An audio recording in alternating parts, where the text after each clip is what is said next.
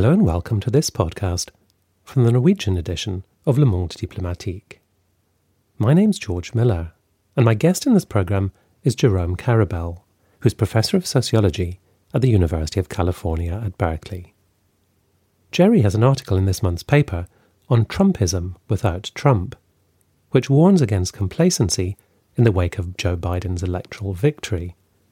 Yes, Biden defeated Trump, but, Jerry writes, the Republican Party is now firmly in the hands of Trumpists and likely to remain so for the foreseeable future. Despite the pandemic and the damage it has done to people's health and the economy, Trump secured 10 million more votes than in 2016. Even if he doesn't run again in 2024, and there are indications he might, he will seek to be kingmaker.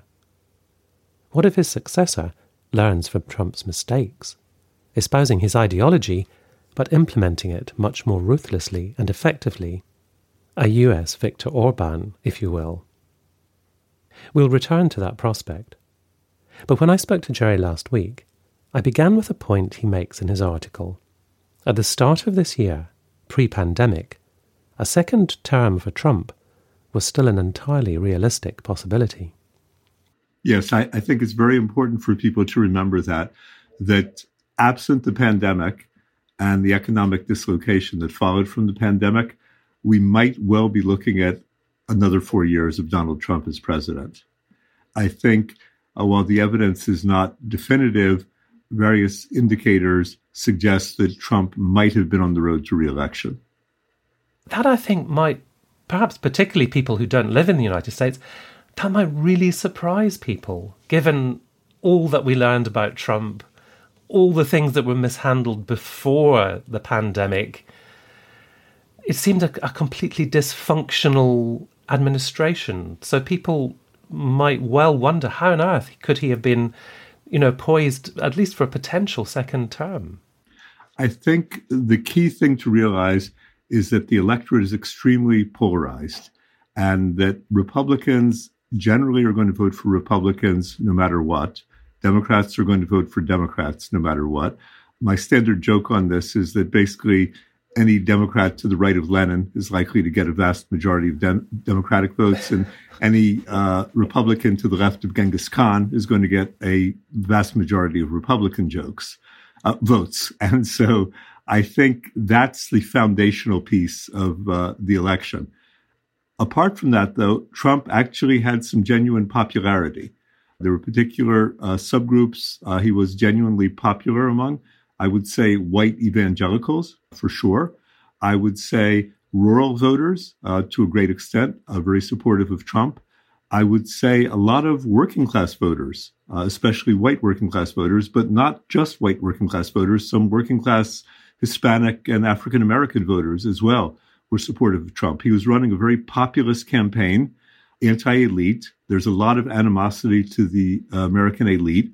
I think much of that is justified for historical reasons.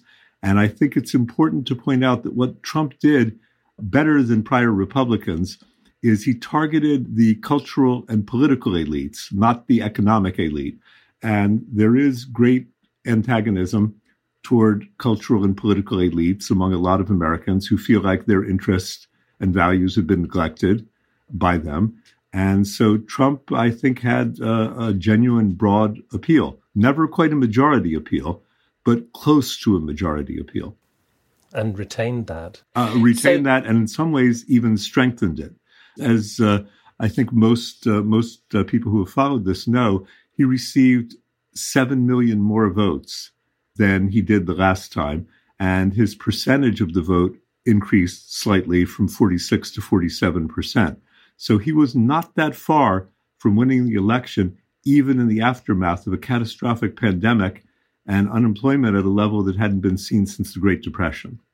So the weekend, the Saturday, I think it was the Saturday after the election, we saw pictures of fireworks and people celebrating in the streets and horns blaring and so on. And I guess for a lot of people, there was a sort of sense of a collective sigh of relief at that point, a sort of sense that the four year nightmare was coming to an end. Something aberrant, an aberrant chapter in American history was going to be closed come the inauguration in January. And I guess your your article is a sort of quite, quite a salutary warning against that that sort of you know risk of complacency of thinking, okay, well, we suffered under Trump, that era is now over. You you, you would say to those people, not so fast. Don't don't form too hasty a judgment on that. Well, in fact, if you look at the overall returns in the election, they actually are in some ways very troubling for Democrats. That while Trump was defeated, that at every other level, the Senate, where the Democrats expected to regain control, they did not. At the level of the House of Representatives, they lost at least 10, probably more seats. And in state legislatures, uh, the latest figures show they lost 179 seats. So many people voted against Trump. They found him too much to tolerate, but they didn't necessarily embrace the Democrats. So the Democratic Party overall is, if anything, in a somewhat weaker position than it was prior to the election. And they are at real risk not only of not winning the Senate, which will be resolved in a special election in Georgia, where two people could swing it narrowly to the Democrats, but in the 2022 elections, they could easily lose the House of Representatives. In fact, they are likely to lose the House of Representatives if past patterns hold, where the incumbent president loses seats in the House of Representatives. So, first of all, Biden does not have control of the key parts of the legislature. And secondly, the prospects that he will have such control in 2022 are somewhat dim. So, what this means is that whatever Biden's agenda might be, he will have great difficulty enacting it. Particularly, as, as I'm sure we'll come on to talk about what he is inheriting in terms of the economy and the, um, the, the health crisis. I just wanted to ask, in passing, when we're talking about Trump, there is speculation about a a Trump bid for re-election in 2024. Should we be treating that as a, at all a serious proposition, or is it is it the realms of fantasy? I'm afraid it may not be in the realm of fantasy. I think what is likely is that Trump will keep his options open, will at the very least, pretend that he is either planning to run in 2024 or is seriously considering it. And the reason I think he will do so is, first of all, he craves attention, excuse me, and that will maintain uh, attention. Secondly, it is a money raising device. So I think the likelihood that Trump will withdraw from politics is very low. Whether he will run in 2024 is unclear. I think it's uh, far too early. So in 2024, at least if you look at current polls, the Republican primary electorate much prefers Trump over any alternative possible candidate. For example, Vice President Pence or Nikki Haley, who is ambassador to the United Nations, or a number of lesser candidates. So if Trump wants the nomination, it could well be his. So I'm afraid while many would like to think of him as buried in the past, he probably is going to be in the present and near future, and possibly uh, will come back in 2024. So even if he is not coming back as a presidential candidate, as you say, he remains a likely political force. And that, I guess, raises the question of what does Trumpism minus Trump at the forefront, you know, even if he's a, a, significant player, what does it actually amount to? Because we've got so used to everything being about Trump in the last few years, about his his tweets and his whims and his tantrums and his everything about his sort of personality and its its its ups and downs. So if we sort of extract him from being the, the, the front runner as a, a Republican presidential candidate, what actually remains of Trumpism? I think Trumpism is a relatively coherent ideology. I would say its essence is American first nationalist populism. I would say that is absolutely at the heart of it. So it is no coincidence that he withdrew from the Paris Accord, that he withdrew from the World Health Organization, that he withdrew from the Iran agreement. So I would say that would be the foundational feature of Trumpism. Following from that, I would say, is an animosity toward globalization and toward the institutions and treaties that embody globalization. So, for example, the World Trade Organization, the WTO, the NAFTA agreement, the Trans Pacific Partnership, which was ultimately blocked. So it's animosity to these trade deals. I would say, in addition, a third feature would be animosity to especially illegal immigrants, but not just illegal immigrants. In addition to that, there's a, a kind of populist, anti elitist element focused on waging kind of cultural wars, and that has real resonance with segments of the population.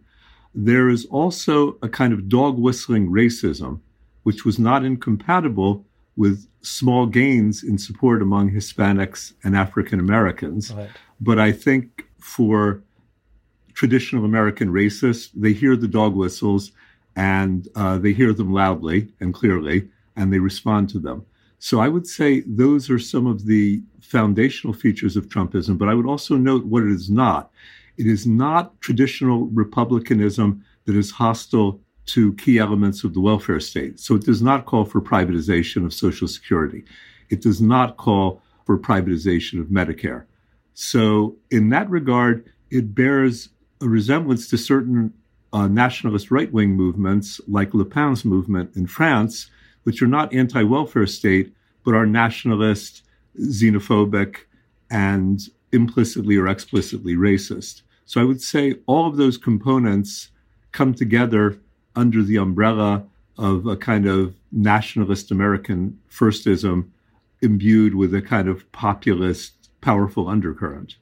So I think it is unlikely that the Republican Party will revert to its traditional small government, anti welfare state elements. Although, what is interesting about Trump in power is that, in fact, he embraced much of the classical Republican agenda of deregulation, of lowering taxes, and certainly with respect to the courts, he appointed an unprecedented number of right wing judges, which I think the entire Republican Party was quite happy with. So he made his peace with the Republican Party, but he also, in many ways, made it his own. That is a, a huge political shift, isn't it? Because I think the establishment of the Republican Party began in 2015, 2016, not taking him seriously, thinking of him as an aberration. It sounds as though they've they've made their compact with him now. I think they've not only made their compact with him, but I think some of the smarter younger Republicans, and I would cite Senator Hawley of Missouri and Senator Cotton of uh, Arkansas, recognize that Trumpism has an appeal that traditional Republicanism lacked. And they are attaching themselves to a kind of Trumpism without Trump that I guess is is something that they are drawing from the election result that we, we've just seen last month. What about the Democrats? What lessons do you think the Democrats need to draw from the result we've just seen? I think the Democrats should draw the lesson that they won the presidential election by the skin of their teeth and that they are vulnerable in future presidential elections. If you look at the Electoral College, the peculiar institution that determines who is president in the United States. Although the Democrats won by roughly four and a half percent in the popular vote, they came perilously close to losing the Electoral College. And one of the things that the Democrats need to remember is that in order to win the presidency, it is not enough that they get more votes. They need roughly three to six percent more votes than the Republicans to win.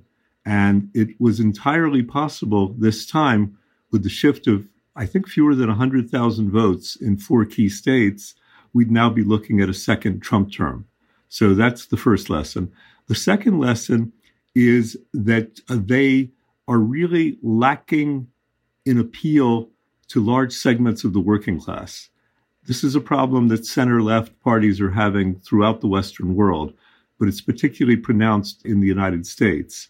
So you have this paradox where a party that historically, going back to Roosevelt, was considered the people's party, the party of ordinary folks, low, you know, working class people, people who are relatively low income. And now many of those same people are voting for Trump. So you have an odd class inversion where the richest congressional districts in the country are now overwhelmingly Democratic, and most of the poorest districts are Republican. This is a problem that if the Democrats don't address, they're going to run into serious difficulties in the future. But thus far, they've not only been unable to address it, but they have embraced the strategy of trying to get affluent suburban voters more or less writing off working class voters. That is a problem that is not unique to the Democratic Party, but it is a particularly serious one for future political prospects. There also is a, another problem, which I think they are aware of, and that is that the Hispanic population, which has often been misunderstood as another, quote, people of color constituency that would naturally gravitate toward the Democrats, that in fact, roughly four or 5% more Hispanics voted for Trump than in 2016, which to many people was shocking because of the overtly anti Mexican rhetoric that he opened his campaign with. But many Hispanics or Latinos, depending on how uh, you refer to them, uh, see themselves primarily as Americans and as working class, not specifically as Latino. And also racially, many Latinos consider themselves white. So I think the easy assumption that the Democrats have had that demography is on their side and will naturally lead to a Democratic majority in the future, that looks increasingly untenable. And so that's an area that they need to attend to. And I think there is a recognition that they have a problem. And I think a failure to recognize the extraordinary heterogeneity of the Latino population, I think is serious. One uh, minor element, but which I think speaks to larger issues, is that in the United States, there is now a new term used among the politically enlightened referring to Latinos or Hispanics as Latinx, L A T I N X, which is a gender neutral term. Probably 95% of more of Latinos or Hispanics find this a peculiar term that is being externally imposed on them by that same cultural elite that Trump is always denouncing. So I think it's an interesting piece of the kind of culture wars that may have redounded against the Democrats in their attempt to be woke, politically yes. woke. I mean, the conclusion is it's dangerous to lump people together and presume they will they will act in a particular way because of their ethnic origin, and the Democrats have perhaps been over reliant on broad categories of the American electorate and thinking that they were in the bag. Yes, and I, I think the first step, which is recognizing there's a problem, has already occurred. How they address the problem mm. remains to be seen. That's harder. So, I mean, moving on to January and the inauguration of, of Joe Biden. I mean, Biden, in many ways, is a known quantity, isn't he? He's been in American political life for decades. He served as Obama's vice president for two terms. Does his past give us a sense of what he's going to be like as a president, albeit in, in exceptional circumstances? Can we sort of predict how he's going to take to the stage in January? I think we can not only predict, I think we have some clear indications from the appointments he's made so far. He basically is a centrist, center left uh, Democrat. He's not far from Obama at all, or Hillary Clinton for that matter, or Bill Clinton. However, he recognizes circumstances have changed. So he's moved ever so slightly to the left. At the same time, he has not appointed a single person from the Bernie Sanders wing of the party. So I think we can see he's going to try to walk a middle ever so slightly left of center. He's going to follow that position. And I think he is an institutionalist and a traditionalist. He will try to reach compromises. He will try to be bipartisan. If and when that doesn't work, and I think it's unlikely to work, exactly what he's going to do is not clear. He does have the capacity to do certain things via executive order that are not dependent on uh, the Congress. But I do think he is very clear that the two issues he most wants to address are the pandemic and the economic crisis. And I think on the pandemic, I think a little bit of competency and a little bit of rationality will be a welcome change from the Trump administration. And I think he has the good fortune to be coming into office just as vaccines are becoming available. And so I think there is the possibility that he will get on top of the pandemic, that within six months, possibly less, it will be mostly behind us. And I think the plan, the hope is that he will get credit for that. And so that may strengthen his position. With respect to the economy, I think if the pandemic recedes, that will be conducive to an economic recovery. It seems as if a stimulus package of relief may be passed uh, later this month that would improve the economy a bit when he comes into office. His plan is to pass an additional package when he becomes president. I'm uncertain and skeptical as to whether he will be able to do that. But I think those are the two big issues. He has a fairly clear, clear plan. If he succeeds in one, and especially both, his political position will be strengthened. Now, there are things that he could do that would be very popular, but I think he lacks the audacity to do them. So, one example would be an excess profits tax of the sort that was passed during World War II. And uh, various studies have indicated now that since the pandemic began, America's billionaires have increased their wealth by $1 trillion. So, a wealth tax, an excess profits tax on those people would bring substantial revenue. It would be extremely popular politically.